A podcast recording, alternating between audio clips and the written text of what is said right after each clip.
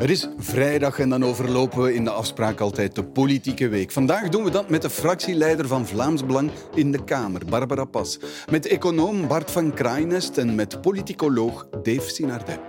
Welkom bij de afspraak op vrijdag.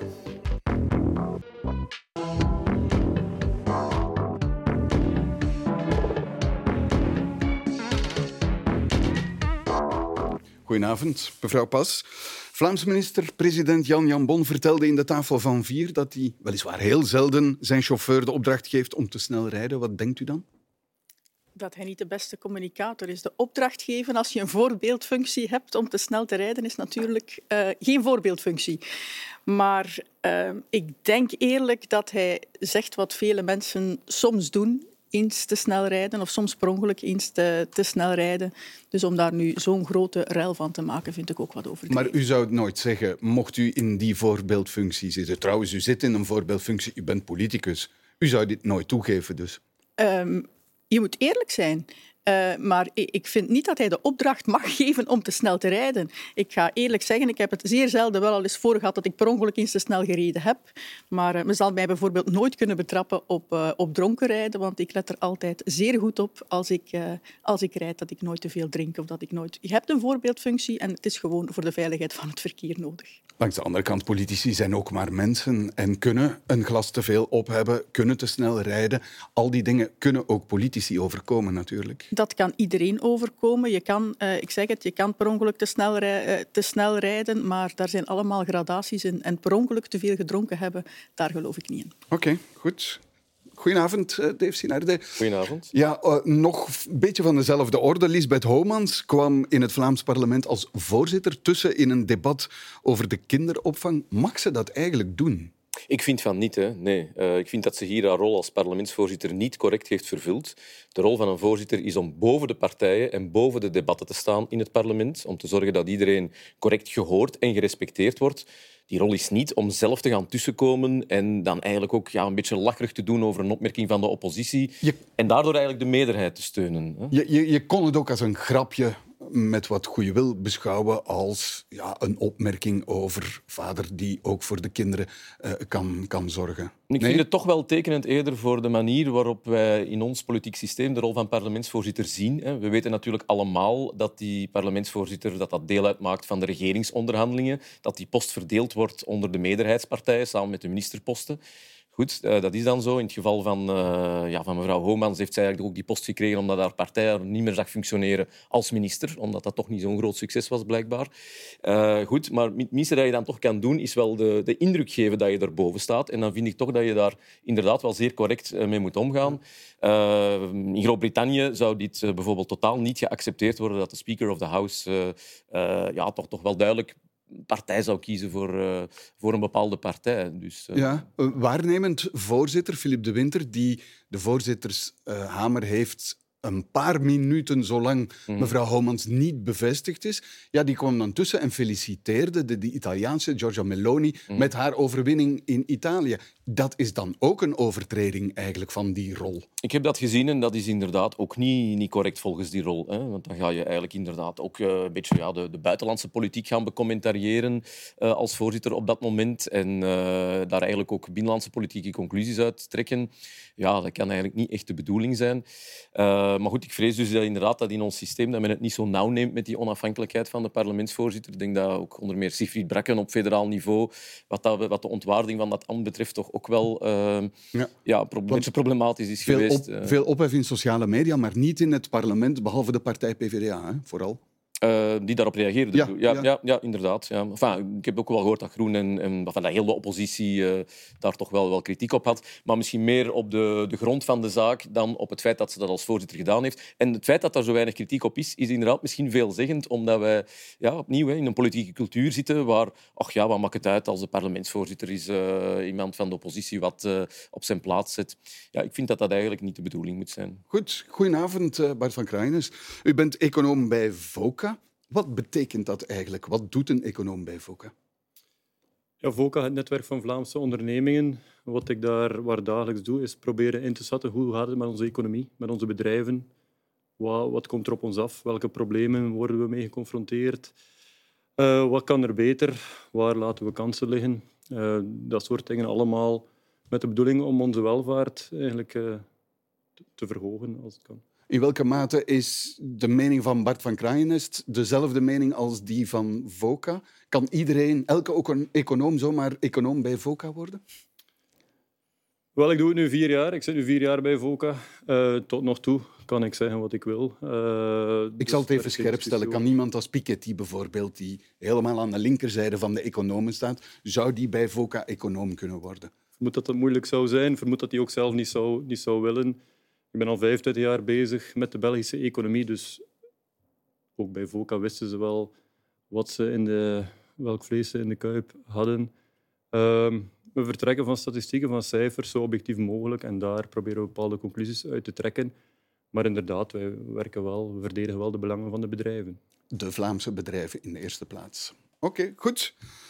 Laten we dan beginnen, want uh, enkele weken geleden, liever stelde u, Barbara Pas, een boek voor over een uh, oud en traditioneel thema uit de Vlaamse beweging. Dat zijn de financiële transfers tussen Vlaanderen en Wallonië. En het is een nagel waar heel veel Vlaams nationalisten al jaren op kloppen. En dat deed ook Bart de Wever enkele jaren geleden, toen hij net voorzitter was geworden van de NVA.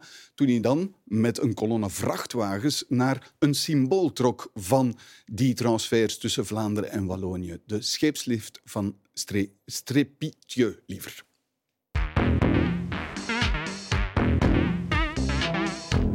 Met twaalf verhuiswagens trok de NVA naar de scheepslift van Strepie. 12. Zoveel zijn er volgens de NVA elk jaar van doen om 11 Vlaamse miljarden, omgezet in 226 miljoen briefjes van 50, naar Wallonië te voeren. Wij willen wel degelijk solidair zijn, ook als NVA. Uh, laat ik het mij niet zeggen dat wij egoïsten zouden zijn die het geld in onze eigen zak willen steken. Wij willen van gemeenschap tot gemeenschap solidair zijn, maar dan op een manier die transparant is, uh, voor zaken die objectief noodzakelijk zijn, voor mensen die het nodig hebben, niet voor dit soort zaken. Ja, mevrouw Pas, over hoeveel geld gaat het eigenlijk? Als, want u hebt er een heel boek over geschreven. Als we zeggen er zijn transfers tussen Vlaanderen en Wallonië, hoeveel geld gaat er dan van Vlaanderen en Wallonië? Uh, gemiddeld de laatste decennia gaat het om een 7 miljard uh, euro per jaar. Als je de cijfers van vorig jaar bekijkt, spreken we alleen over de, de, traditionele transfers, dan alles wat via sociale zekerheid, via federale begroting, via dotaties uh, gaat, 7,6 miljard. Als je daar de rentelasten nog bijtelt, komt daar nog 5,3 miljard bij, komen we aan 12,9. Om het wat bevattelijker voor te stellen, dat is 2000 euro per Vlaming, van baby tot hoogbejaarde. Neem je het voor de, de werkende Vlaming, is dat 4300 euro jaar. En waarom is dat een probleem? Omdat dat een geweldig welvaartsverlies is voor, uh, voor Vlaanderen natuurlijk. Hoeveel energievoorschotfacturen zijn dat niet in, in deze tijden? En uh, ik vind het origineel dat u het uh, filmpje van de um, actie van NVA in 2006, geloof ik, hebt, geno hebt genomen. Wij hebben identiek dezelfde actie tien jaar later opnieuw gedaan met 16 camionetten, omdat ondertussen de transfers alleen maar opgelopen waren. En de reden waarom, waarom, ik, uh, waarom ik dit boek uh, samen met uh, Lode Vreek heb gemaakt, is juist om die transfers in de aandacht te zetten. Want zelfs die NVA, die, die er toen wel nog aandacht voor had, uh, heeft daar vandaag geen enkele aandacht meer voor. Ik vind het wraakroepend in, in tijden dat er ja, voortdurend een debat is ehm, met, met allemaal maatregelen die nodig zijn voor onze mensen, waar men voortdurend zegt, hier zijn geen centen voor, dat daar zelfs niet mag over gesproken worden. Men doet het af met één zinnetje in het regeerakkoord. Aan de interpersoonlijke uh, solidariteit wordt niet geraakt en daar moeten we het maar mee doen. Oké, meneer Van Kraijens, kloppen de cijfers om te beginnen? Um, ik heb ooit nog in de tijd bij, bij KBC die stromen zelf proberen te berekenen. Eh, dat is, ik denk dat dat 20 jaar geleden is. Die studie wordt, er, staat er ook in. Staat er in. Dus ja, 6, 7 miljard is al langer uh, het cijfer waar, uh, waar we telkens op terugkomen. Er is discussie over of dat je die rentelasten er mag bijtellen. Dat is een beetje wat hij probeert te bereiken. Ik denk niet dat dat zinvol is in ja. deze discussie om die erbij te tellen. Maar dan nog, het is, het is een groot bedrag. 6, 7 miljard. En, de, maar dezelfde vraag, is dat een probleem? Ja, de vraag is wat het precies is natuurlijk. Die, die, transfers zijn er net, het is interpersoonlijke solidariteit. Er zijn ook transfers binnen Vlaanderen, tussen gemeenten, tussen mensen in dezelfde straat. We hebben een welvaartsstaat die herverdeelt van de hogere inkomens naar de lagere inkomens, van de werkenden naar de niet-werkenden. Nu, waarom is dat tussen Vlaanderen en Wallonië zo'n ding? Omdat economisch Vlaanderen het eigenlijk al decennia lang systematisch economisch veel beter doet dan Wallonië, heb je gewoon transfers in die richting. Uh, is dat een probleem? Wat mij betreft is het vooral een probleem omdat die transfers persistent zijn. Dus, dat verbetert niet. Ja, jaar na jaar komt, dat terug. En ook naar de toekomst toe, als je de economische dynamiek ziet in de, in de gewesten, de vooruitzichten zijn er nog altijd dat die verder uit elkaar zullen gaan. Als je ook de politieke voorkeuren ziet aan, aan beide kanten, dan denk ik dat die transfers ook de komende jaren verder blijven, uh, blijven toenemen. En dat is wel degelijk uh, een probleem. Ja, professor Sinardet, um, zijn transfers niet logisch in een federale staat, zelfs op een interpersoonlijk niveau, zoals hier gezegd wordt? Ja, voor, voor een stuk wel. En zelfs niet enkel in federale staten, maar ook in staten toekoer. Uh, er zijn inderdaad, uh, in het sociale zekerheidssysteem heb je sowieso transfers. En dat, uh, als je dat regionaal wilt gaan bekijken, ja, dan ga je natuurlijk altijd wel regio's vinden waar uh, mensen meer bijdragen en andere regio's, armere regio's, waar mensen meer ontvangen. Hè. En dus uh, de laatste studie van de, van de Nationale Bank over de transfers heeft ook aangetoond dat, ja, dat die transfers naar Wallonië eigenlijk lager zijn dan die naar een aantal andere regio's in een aantal andere landen. Bijvoorbeeld Sachsen-Anhalt in Duitsland ontvangt relatief gezien meer. de overzeese gebieden van Frankrijk ontvangen meer. Madeira in Portugal ontvangt meer. Ook verschillende andere regio's in Spanje, in Zweden. Zelfs uh, Noord-Nederland ontvangt relatief gezien meer dan Wallonië. Uh, waardoor er ook andere regio's zijn in al die landen. Uh, de Ile-de-France in Frankrijk, West-Nederland enzovoort, die, die ook meer bijdragen relatief. Dus, dus u, in vindt, die zin... u vindt het geen probleem? Wel, dat is iets anders. in die zin is het, is het zeker niet abnormaal. Hè. Waarom wordt het dan in al die andere landen minder geproblematiseerd? Ja, dat is dan inderdaad voor een stuk wel omdat wij een federaal land zijn, waar natuurlijk die verschillende regio's uh, aparte instellingen, aparte vertegenwoordigers hebben, die daar natuurlijk ook op gaan beginnen hameren, waar er ook gemakkelijker nationalistische bewegingen zijn die uh, daarop gaan hameren. En natuurlijk, wij zijn dan ook nog eens een specifiek federaal land, dat, waar de structuren toch voor een groot stuk gebaseerd zijn op de twee grote taalgemeenschappen. Waardoor je telkens natuurlijk alles heel sterk vanuit een Vlaams-Waalse bril gaat bekijken. Hè. Uh, ik zeg het, in Frankrijk ja, is dat dan uh, van de ene regio naar de andere, maar dan ook nog eens omgekeerd. Dat is veel complexer. Bij ons is het zo altijd Vlaanderen-Wallonië, hoewel daar ook nuances bij aan te brengen In andere landen zijn er grotere transfer dan in ons land? Uh, nee. Want de vergelijking die men maakt op, uh, op Europees niveau vergelijkt appelen met peren. Die vergelijken alleen de sociale zekerheid en de transfers in de sociale zekerheid en de transfers in de belastingen. En die houden met een heel aantal andere zaken geen rekening. En uh, ik denk aan de dotaties, ik denk aan de rentelast, ik denk aan de duurtijd van, van de transfers, die uh, vrij oneindig zijn in, in dit land. Er zijn ook nooit omgekeerde transfers in geweest. van de Nationale Bank wordt er wel effectief en met die andere er, elementen ook rekening gehouden. En in, de, in, in het boek halen wij ook een, een uh, internationale studies aan die duidelijk aantonen dat gelijk waar er um, transfers zijn van de ene regio naar de andere, dat die die achtergestelde regio er niet bovenop helpen. Integendeel, dat dat de prikkel juist weghaalt om, um, uh, om, te, om te investeren. Om bijvoorbeeld iets wat ook heel duidelijk uit die internationale studies komt. Nieuwe technologieën worden in die regio's die centen ontvangen veel uh, minder snel geïmplementeerd. Klopt. En als ik nog, een, nog een, een, een ander element mag weerleggen. Wallonië ligt echt in, in het centrum van, van Europa, omgeven door de landen met, het, met, de meeste, uh, alleen met de mensen met de meeste koopkracht. Dat kan je niet vergelijken met, met ergens een regio tegen de Noordpoolcirkel in Finland, die ook, die ook steun krijgt. Dat zijn vergelijkingen die niet opgaan. De essentie, als ik dat punt nog mag maken, de essentie is, want er zijn uiteraard zijn er verschillen, ook provinciaal en zo. Maar de provincies die hebben geen sociaal-economische uh, bevoegdheden. De essentie is dat men in uh, Wallonië door een, een, niet activerend arbeidsbeleid, door een ondermaats onderwijs, door een falend uh, financieel beleid, een te duur gezondheidsbeleid, een, een systeem heeft dat niet werkt. Zij mogen het is hun keuze om dat beleid te voeren, maar te zijn niet te op kosten van de Vlaming. Beleid, maar ja, maar de, essen lijkt me, de essentie is dat de, de Vlaming opdraait financieel voor dat wanbeleid in Wallonië. Okay. En dat is iets dat niet kan. Wel, in normale omstandigheden... Het helpt Wallonië niet. De welvaartskloof wordt groter. In normale economische omstandigheden zou je zien dat er dan bij dit soort economische verschillen, patronen, dynamieken op gang komen om dat evenwicht te herstellen. Ofwel zou de zwakkere regio met de slechter werkende arbeidsmarkt lagere loon, lagere loonstijging ontwikkelen en dan een competitief voordeel opbouwen. Dat kan niet in België, omdat de loonvorming nog altijd nationaal bepaald is. Of je zou zien dat mensen die in de zwakkere regio geen job vinden, vertrekken naar de, naar de beter presteren. Uh, Oost- en West-Duitsland, Noord- en Zuid-Italië zie je gewoon mensen vanuit de zwakkere regio massaal gaan werken in de regio waar de economische activiteit is. En die versterkt zich dan en dan versterkt heel, heel het land. Bij ons zie je dat niet. De pendel van Wallonië naar, naar Vlaanderen is de voorbije tien jaar met 20% afgenomen. Terwijl we in Vlaanderen een, een, een, enorme krapte op de arbeidsmarkt hebben. De kern van het probleem, denk ik, zit effectief wel als je die verschillende landen vergelijkt. Ja, in sommige andere regio's zijn er ook stromen. Maar bij ons hebben we wel die aparte bevoegdheden maken we beleidskeuzes in de beide regio's die niet bijdragen tot het oplossen van die Dus het heeft te maken met een staatshervorming. Als je elementen in die staatshervorming, bijvoorbeeld uh, rond de, uh, de loonvorming, ook gaat regionaliseren, zou je wel kunnen ingrijpen op dat mechanisme. Of begrijp ik het verkeerd? Uh, dat zou je deels kunnen doen natuurlijk. Uh, enfin, de vraag is of die loonvorming dan echt best op gewestelijk vlak uh, komt, dan wel misschien nog lager. Hè, want binnen de gewesten zijn er ook grote verschillen. En dat is natuurlijk ook wel iets dat hier een beetje uit het oog wordt verloren in, in, in dit debat. Het wordt heel sterk vanuit een toch wel nationalistische bril bekeken, die transfers. En Vlaanderen dat is ook logisch. Wallonië. Vlaanderen versus Wallonië.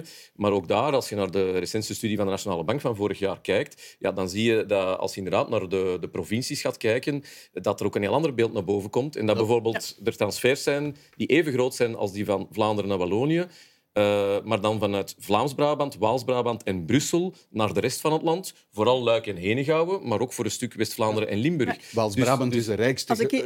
rijkste ja, provincie van het land. Eigenlijk, uh, oude, de oude provincie Brabant uh, ja, is, ja. is, eigenlijk ook een, een, een netto betaler aan, aan de rest van het land. Zoals ik daarnet zei, het klopt dat er provinciale verschillen zijn. Bijvoorbeeld Limburg, West-Vlaanderen, daar gaan ook transfers naartoe.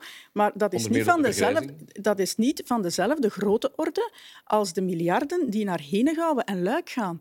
En de essentie is, je geeft, u geeft zelf aan, uh, pensioenen, vergrijzing. Er wonen bijvoorbeeld aan de kust in West-Vlaanderen veel meer oudere mensen.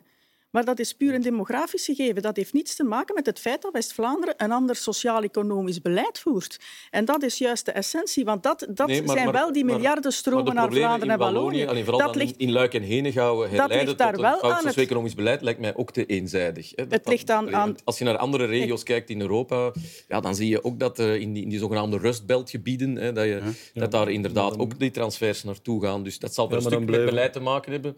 Maar, met de werkzaamheidsgraad. Maar dan blijven onze dat, is, dat is een terugkerend argument en dat klopt in zekere mate. Maar als je in Europa al de oude Rust Belt, zoals je het noemt, de oude steenkoolbekkens en zware staalindustrie gaat vergelijken, dan zie je dat al die anderen in Duitsland, in Frankrijk, in uh, Baskeland, in UK het een pak beter doen dan die belt die wij hebben. Ja, dus binnen Wallonië zijn er ook grote verschillen, maar de realiteit is dat je daar met een economische dynamiek zit die al decennia lang achterloopt.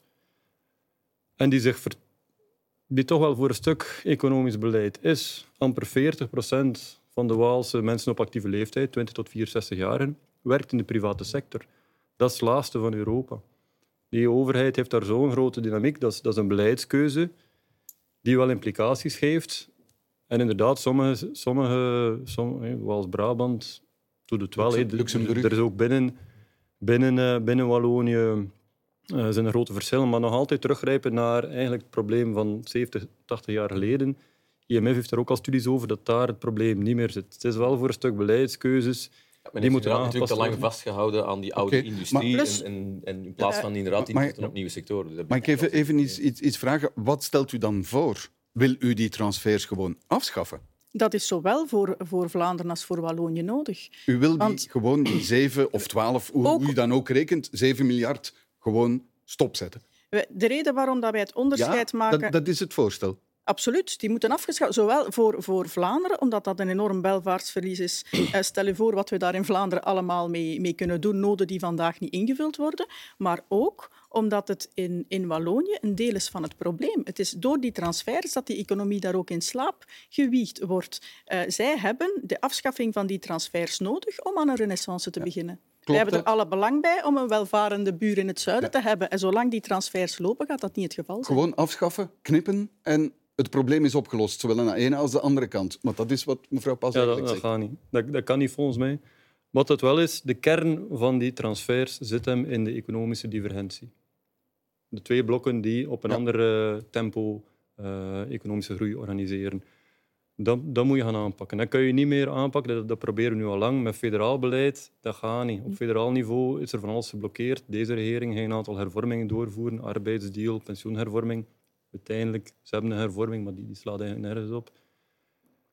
Ik denk wel dat je, als je die economische dynamiek in die, in die verschillende gewesten wil eh, aanvuren, je gaat altijd nog voor lange tijd een zekere solidariteit moeten behouden, maar je moet gewoon ook meer bevoegdheden, bijvoorbeeld rond die arbeidsmarkt, in regionale handen geven, zodat je, dat je die arbeidsmarkt in Wallonië en Vlaanderen is dermate Meer verschillend. staatshervorming op die, zodanig dat iedereen De bevoegdheden- uiteindelijk tot zijn eigen de beleid bevoegdheden komt. om te kunnen inspelen op de eigen specifieke situatie en noden, en wa- waar mevrouw pas mee afsloot, klopt wel. Wallonië is voor ons in Vlaanderen nog altijd, Wallonië en Brussel zijn onze belangrijkste handelspartners. Belangrijker dan Nederland, Duitsland en Frankrijk. Ja, dat leg je toch zo Wij er- droog. Nee, wij hebben er alle belang bij dat die regio's ook economisch zo goed mogen pre- presteren. En ik denk dat de weg daar naartoe is niet de transfers van vandaag op morgen afschaffen. Dat gaat niet. Maar is wel om bepaalde beleidsbevoegdheden regionaal Ja. te organiseren en met dan Daar wil ik iets financiële op zeggen. Want responsabiliteit de enige reden waarom eh, wij een onderscheid maken tussen die traditionele transfers en die rentelasten, is niet omdat die rentelasten niet zouden dubbel geteld mogen worden. Ondertussen is er eh, wetenschappelijke, wetenschappelijke lectuur dat, eh, dat die Ja, rentelasten... maar niet te zegt dat die daar... worden. Maar nee, de enige reden is, die, die rentelasten die gaan sowieso die blijven lopen. Die moeten betaald worden. Als we, dat, die kan je niet van vandaag op morgen Nee, stopzetten. Daarvoor moet je onderhandelen wie welk stuk. Stoppen met de maar transfers. die traditionele transfers die kan je vanaf van, de ene dag op de andere eh, stilzetten. We, we ze- we zeggen in het boek perfect hoe dat kan. Splits die sociale zekerheid. eh, zorg voor fiscale autonomie. Die 7,6 miljard die is van vandaag op morgen beschikbaar. Oké, die is beschikbaar, mm, weliswaar met een bepaald ideologisch en economisch plan natuurlijk. Het kan perfect. Ja, dat doet mij denken aan Boris Johnson, die eh, in de Brexit-campagne zei van goed, als we uit de Europese Unie stappen, dan gaan we heel veel geld in de NHS, in de gezondheidszorg steken. Eh, dat is natuurlijk ook nooit gebeurd. U gelooft Maar er goed, niet in. Ik geloof daar niet echt in. Nee. Enfin, de vraag is ook al hoe ga je de sociale zekerheid dan splitsen? Eh krijg je dan twee systemen van sociale zekerheid in Brussel? grondwetswijziging Eh, of ga je dan allee, een, een, een eigen pensioensysteem of een eigen werkloosheidsuitkeringssysteem enkel voor Brussel? Dat lijkt mij ook niet echt werkbaar. Eh, maar ik vraag mij ook af of dat inderdaad verdere bevoegdheden overhevelen, of dat dat noodzakelijk gaat helpen. Maar dat Eh, betekent- ten eerste denk ik van...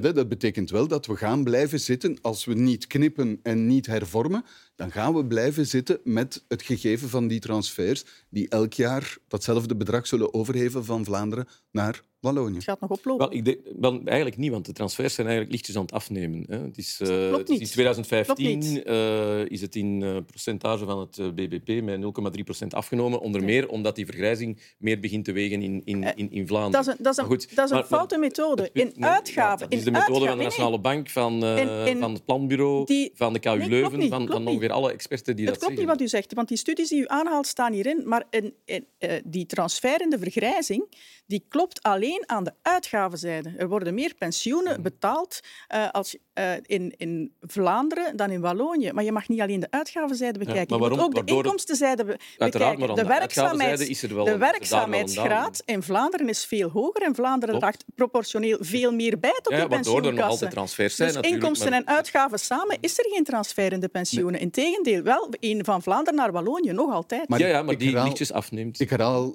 nee, want de blijven- werkzaamheidsgraad neemt niet toe in Wallonië. Allee, die neemt wel toe, maar, maar in Vlaanderen neemt die harder toe. De kloof wordt groter. Dus die transfers nemen nog altijd toe. en zeker de rentelasten ik- gaan ik- ook nog Ik toenemen. verwijs naar de cijfers eh, onder meer van de Nationale Bank. Ja, hè. Het is ze in sta- 2015. eh, Maar ik, Dan- ik herhaal nog eens, als we niet radicaal knippen of een staatshervorming toepassen, zullen we blijven zitten met die transfers zoals ze nu lopen. Maar ik denk wel dat je die transfers inderdaad kan proberen verminderen door effectief de werkzaamheidsgraad in Wallonië eh, te verhogen. Dat of dat dat gaat 20 lukken jaar. met verdere eh, opsplitsen van bevoegdheden, daar twijfel ik een beetje aan. Want wat gaat, er, allee, wat, wat gaat de dynamiek zijn van een eventuele volgende staatshervorming?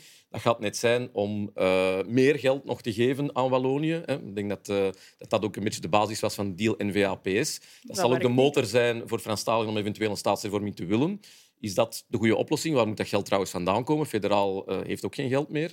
Uh, en dan in ruil voor bevoegdheden. Maar dat betekent dan ook dat we niks meer te zeggen hebben als Vlamingen op hoe dat die bevoegdheden in Wallonië worden uitgeoefend. En dat we daarna gaan zeggen van ja, ah ja, Wallonië doet het verkeerd, uh, voert inderdaad misschien niet het beleid dat we zouden willen. Maar ja, we hebben, we hebben ze dan natuurlijk wel de bevoegdheden gegeven en ook nog een hoop, een hoop geld erbij je moet er wel uh, om het te doen zoals ze het zelf willen. Er moet responsabilisering aan hangen. Responsabilisering ja. de, de regio's moeten die tools in eigen handen krijgen. Als ze dan goed presteren op dat vlak, dan moeten ze daar de vruchten van plukken. Okay. Uh, ik volledig akkoord op welk niveau je dat beleid hebt. Het goede beleid moet nog altijd gevoerd worden. Maar je ziet wel dat de voorbije ja, 20, 30 jaar op federaal niveau het al maar meer vastloopt. Dus in die zin denk ik niet dat, dat je daar nog, nog veel vooruitgang kan maken. En daarmee kunnen we meteen naar ons uh, tweede onderwerp, want dat gaat over de federale begroting in dit geval.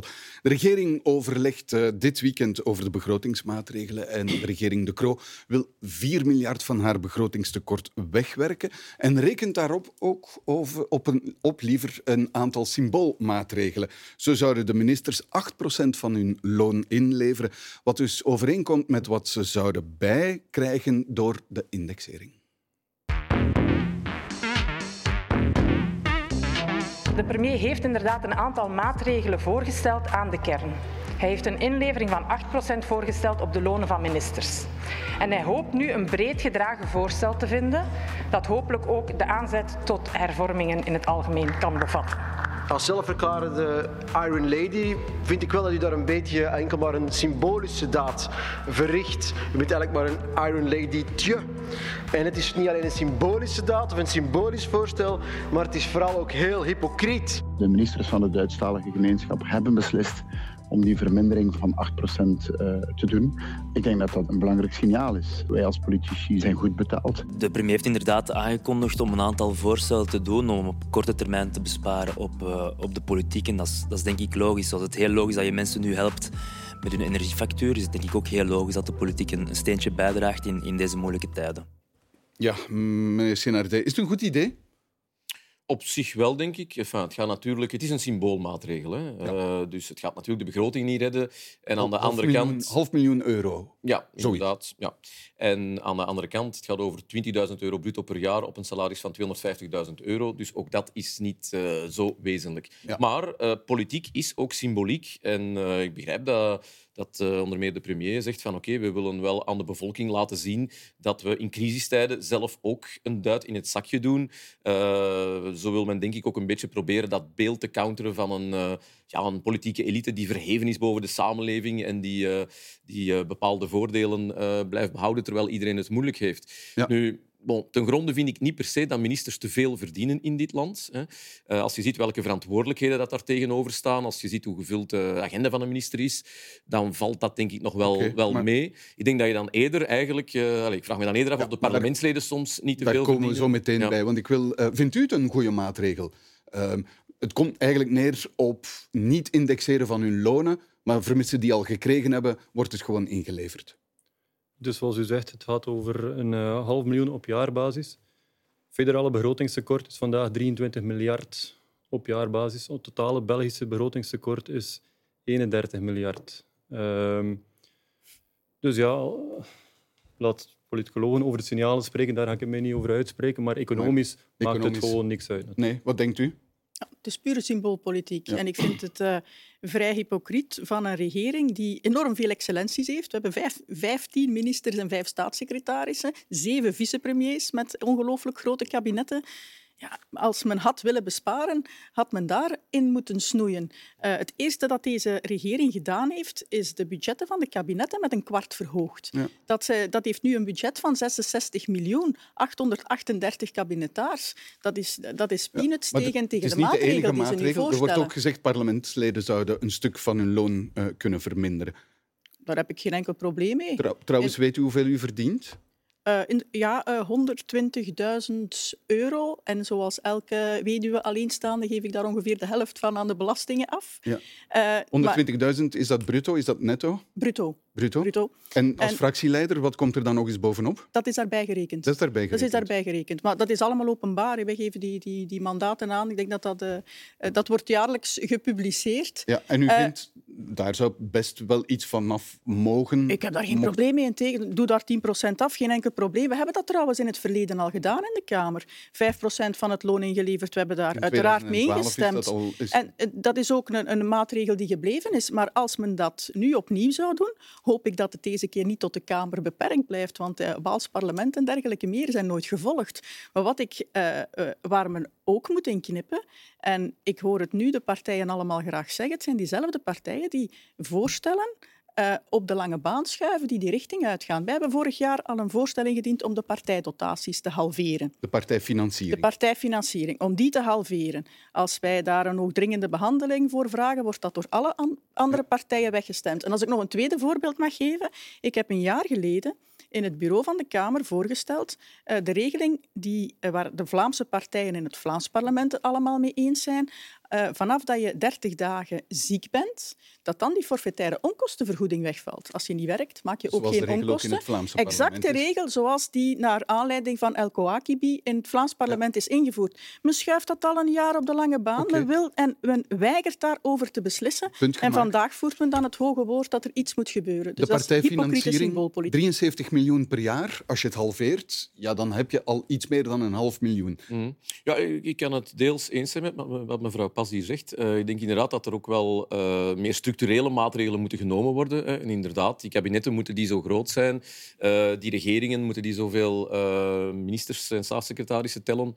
En inderdaad, ik denk dat vooral er een groot dringend debat nodig is over, over de partijfinanciering. Hè. Die is in Europees vergelijkend perspectief zeer hoog. Ja, en als je dan ziet dat onze Belgische politici allemaal staan te prijken in de top 10 eh, van Europa van de grootste uitgaven op Facebook, trouwens ook mensen van uw partij, mevrouw Pas, dan kan je je afvragen of die partijfinanciering altijd even goed besteed is. Dus men zou die misschien ook wat meer moeten earmarken. Als daar degelijk studiewerk mee gebeurt, waarom niet? Maar als het is om eh, de hele tijd op sociale media iedereen daarmee lastig te vallen, dan weet ik niet of dat eh, de gemiddelde Belg vindt dat zijn belastingsgeld zo goed Wat men besteed ermee is. doet, dat is aan de Maar, eh, partijen. En als men in, in oh. kranten geen advertenties mag plaatsen, is het logisch dat, dat Ja, maar mijn enfin, partij zich is- tot sociale media wendt. Ja, goed, maar, dan kan dat misschien ook is beperkt worden tot een Daar bepaald men, deel van de dotatie. Maar, goed, maar dus ik denk dat, dat, ik denk dat, dat men daar inderdaad eh, werk van moet maken.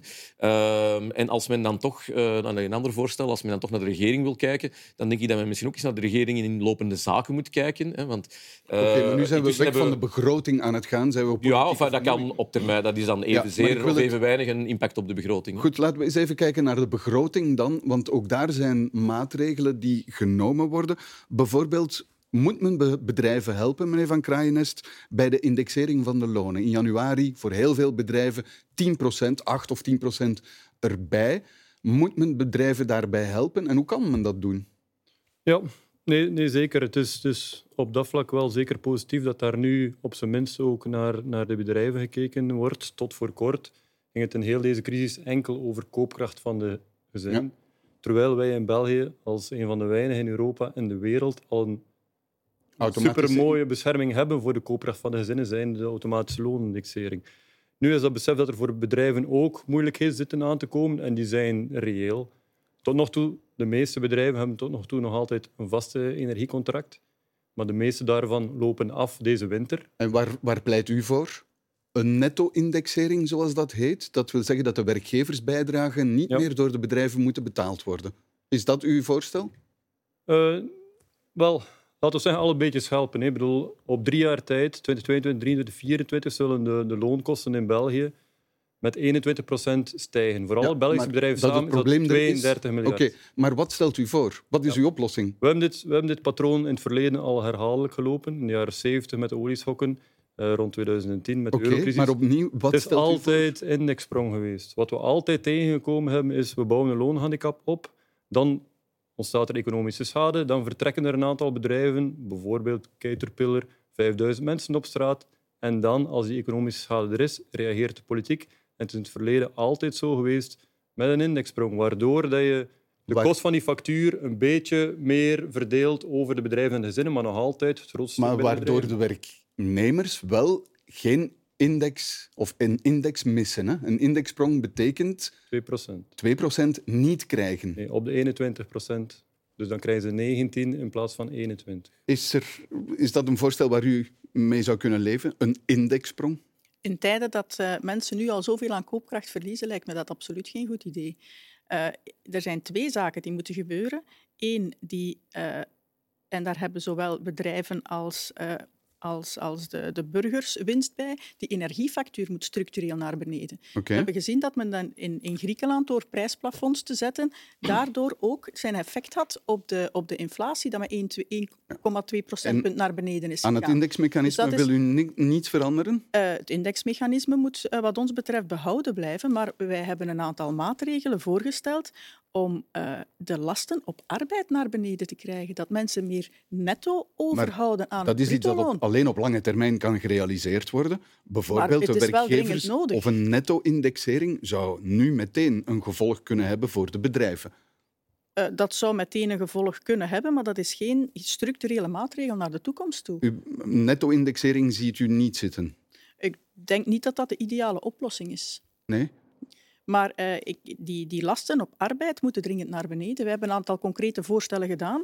Uh, haal uh, de, de belastingvrije minimum, trek dat op tot niveau van het, van het leefloon. een tweede voorstel is om de tweede schijvende personenbelasting, dat tarief van 40 naar 30 procent te halen. Als je, we hebben dat ook, dat zijn alternatieven dat je ook kan, kan, kan bekostigen.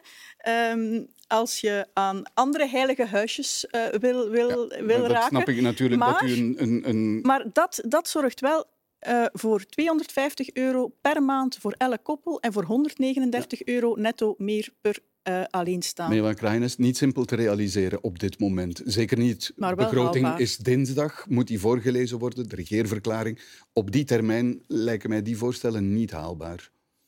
Nee, plus natuurlijk, weer al, je vertrekt van een begrotingstekort van 31 miljard. Als je dan nog lasten gaat verlagen, uh, moet je dat natuurlijk ook gefinancierd uh, krijgen. Die netto-indexering die zou helpen. Uh, dat gaat over 2 miljard op weer al een extra loonfactuur van 32 miljard. Dus het is een kleine stap. Maar dan is de discussie voorlopig nog, is dat uitstel? En moet je het dan volgend jaar extra betalen? Volgend jaar waar we nog altijd in een moeilijke situatie zullen zitten? Ja, maar het is uitstel voor de bedrijven. Hè? Het is... Als het geschrapt wordt, maar die discussie is blijkbaar nog ongoing, dan, dan helpt het iets meer. Maar sowieso ligt er nog altijd een heel zware last op de bedrijven. Dat zal sowieso in deze crisis blijven. Hè. Uh, we bouwen nog altijd een belangrijke loonhandicap op ten opzichte van onze buitenlandse concurrenten. En op termijn gaat dat ook ten koste van de koopkracht. Ja, want dat is een beetje de discussie nu. We hebben de mensen geholpen, nu moeten we de bedrijven ook iets gunnen. Is zowel bij de Vlaamse regering als bij de federale regering een beetje de inzet van deze begroting geweest? Ja, natuurlijk de vraag is hoe dat je, of, het, of je noodzakelijk de bedrijven moet helpen door dan de mensen weer iets af te pakken. Want dat is dan eigenlijk wel wat je doet met een indexsprong. De burger is ook of de werknemers om correct te zijn. Uh, terwijl denk ik inderdaad allee, het logische compromis is om die indexering voor de werknemers gewoon te behouden, zodat die, die koopkracht behouden wordt, wat dan denk ik uh, economisch toch ook een goede zaak zou zijn. Maar dan effectief wel te kijken naar uh, ja, een, ver, een, verlaging van de last die dat met zich meebrengt voor de bedrijven. Hè. En dat, dat is waar men nu ook wel in de regering een beetje naar, naar aan het kijken is, om dan inderdaad die werkgeversbijdragen uh, op die uh, indexering, om die te verlagen of, of, of, of zelfs uh, deels af te schaffen. waarbij dan natuurlijk ook alweer de discussie is van moeten we dat dan weer voor alle bedrijven doen? Want ja, er zijn er sommigen die uh, eigenlijk niet zo'n problemen hebben. Uh, anderen hebben gigantische problemen. Zeker uh, meer, meer, meer, meer KMO's of, of, of, kleine middenstanders of mensen uit de horeca. Dus je zou kunnen zeggen van we moeten meer een, een gecibleerde, doelgerichte oplossing vinden hè, voor, ja. voor bepaalde bedrijven. Als je een begroting wilt aanpakken, heb je maar drie mogelijkheden. Meer belastingen, minder uitgaven en hervormen. Meer belastingen is in dit land, waar je bijna de hoogste belastingdruk hebt ter wereld, sowieso geen optie. Dus je moet gaan snoeien in die uitgaven en je moet gaan hervormen. Dus die fiscale hervorming die is, die is dringend nodig. En er zijn, behalve transfers, ik denk aan migratiefactuur, ik denk aan politiek systeem, nog wel heel wat zaken waar kan in beknibbeld worden. Oké. Goed. Laten we dan eens eh, naar een discussie gaan um, die ook al een aantal jaren meegaat. En dat is die rond het uh, cordon sanitair. Op een debat in Gent zei vooruitvoorzitter Conor Rousseau dat mocht de N-VA, die partij, ook maar ergens in Vlaanderen besturen met de andere partij Vlaams Belang in dit geval, vooruit elke coalitie tussen de N-VA en vooruit meteen zou verbreken.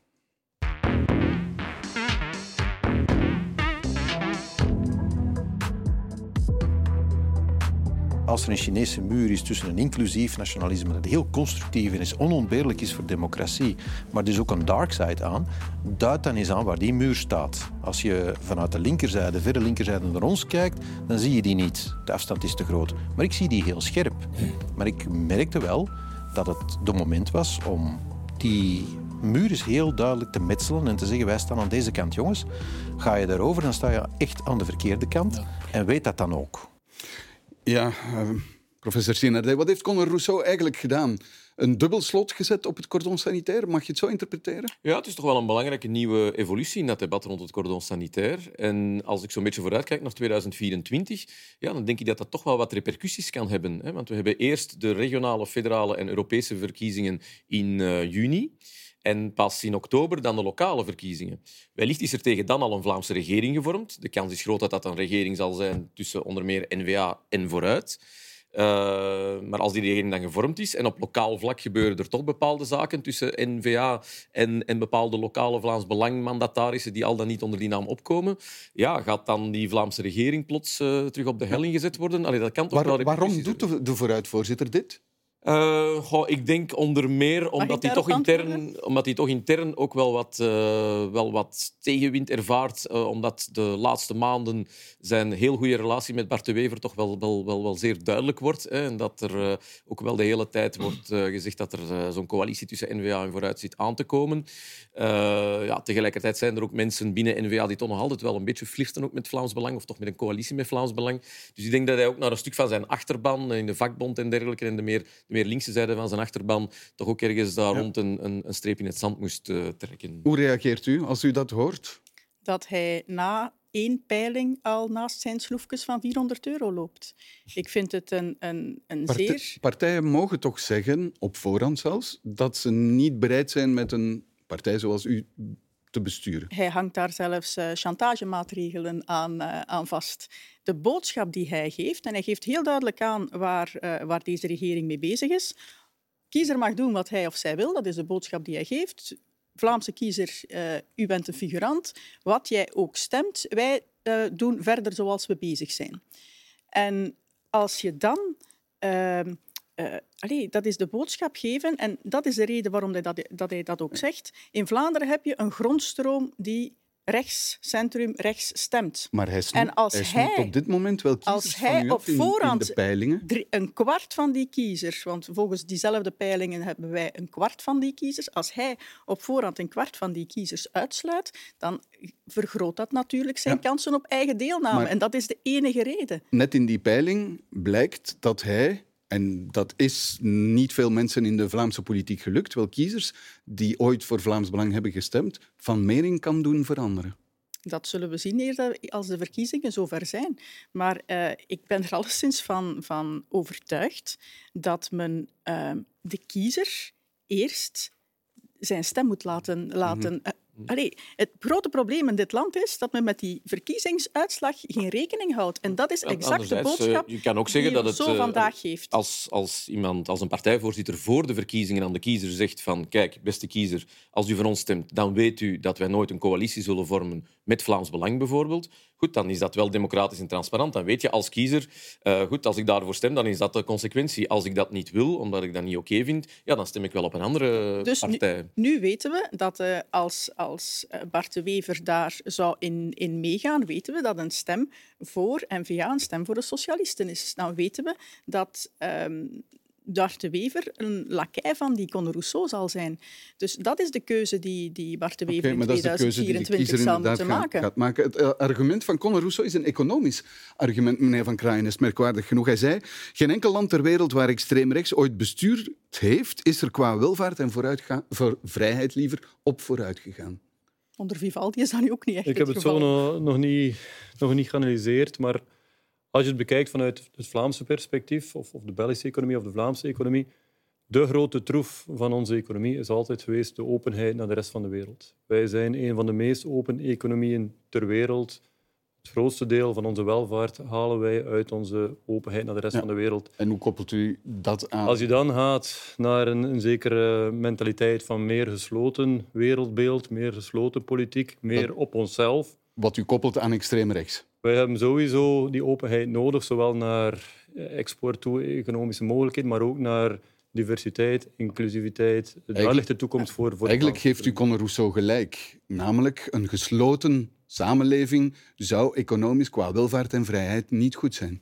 Voor de Vlaamse economie is het zeker zo dat een groot stuk van onze welvaart rechtstreeks verbonden is aan die openheid. En in, in de brede betekenis. Hij koppelt dat aan het beleid dat uw partij voorstaat, eh, mevrouw Bas. Is dat zo? Want ik heb hem geen enkel voorbeeld horen geven. Is het in Denemarken tot 2019, waar onze geestesgenoten in de regering zaten, dan zo'n doemscenario geweest? Is dat in Estland een doemscenario? Is dat in, in Nederland een doemscenario geweest? Allee, ik, ik kan geen, geen concreet voorbeeld aanhalen waar, eh, waar Rousseau zich zou... eh, ik heb geen idee over welke voorbeelden het, hij, hij het zou hebben. Ik kan alleen maar vaststellen dat we vandaag met zijn eigen Vivaldi-regering alles behalve vooruitgang hebben, ook in zaken vrijheid. Opvallend, eh, meneer Stianede, is dat Conor Rousseau, toen hem de vraag werd gesteld van geldt dat dan ook voor extreem links, namelijk coalities vormen met de PvdA, het antwoord wel een stukje minder uitgesproken was.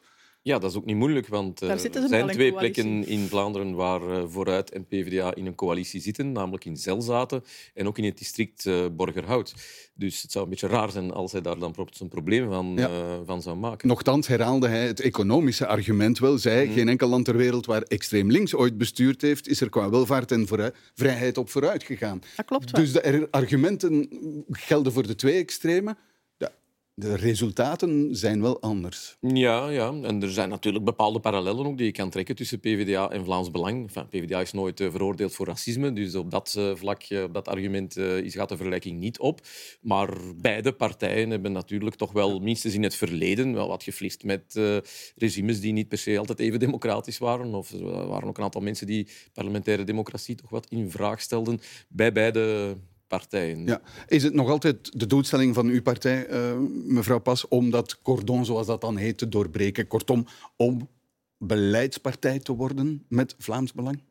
Eh, dat is geen, geen, eh, geen, geen doel op zich. Dat is het verschil tussen ons en alle andere partijen. We zijn een programmapartij, we willen dat verwezenlijken. En uiteraard willen wij daar, als die kans zich zou voordoen, eh, eh, ons verantwoordelijkheid voor opnemen. Er is toch ooit Maar- iemand, een voorzitter bij u, Karel Dille, die zei dat cordon sanitair is de beste levensverzekering van onze partij. Is die tijd dan voorbij? Ik ben ervan overtuigd dat wij, eh, en vooral de burger, echte verandering kan gebruiken.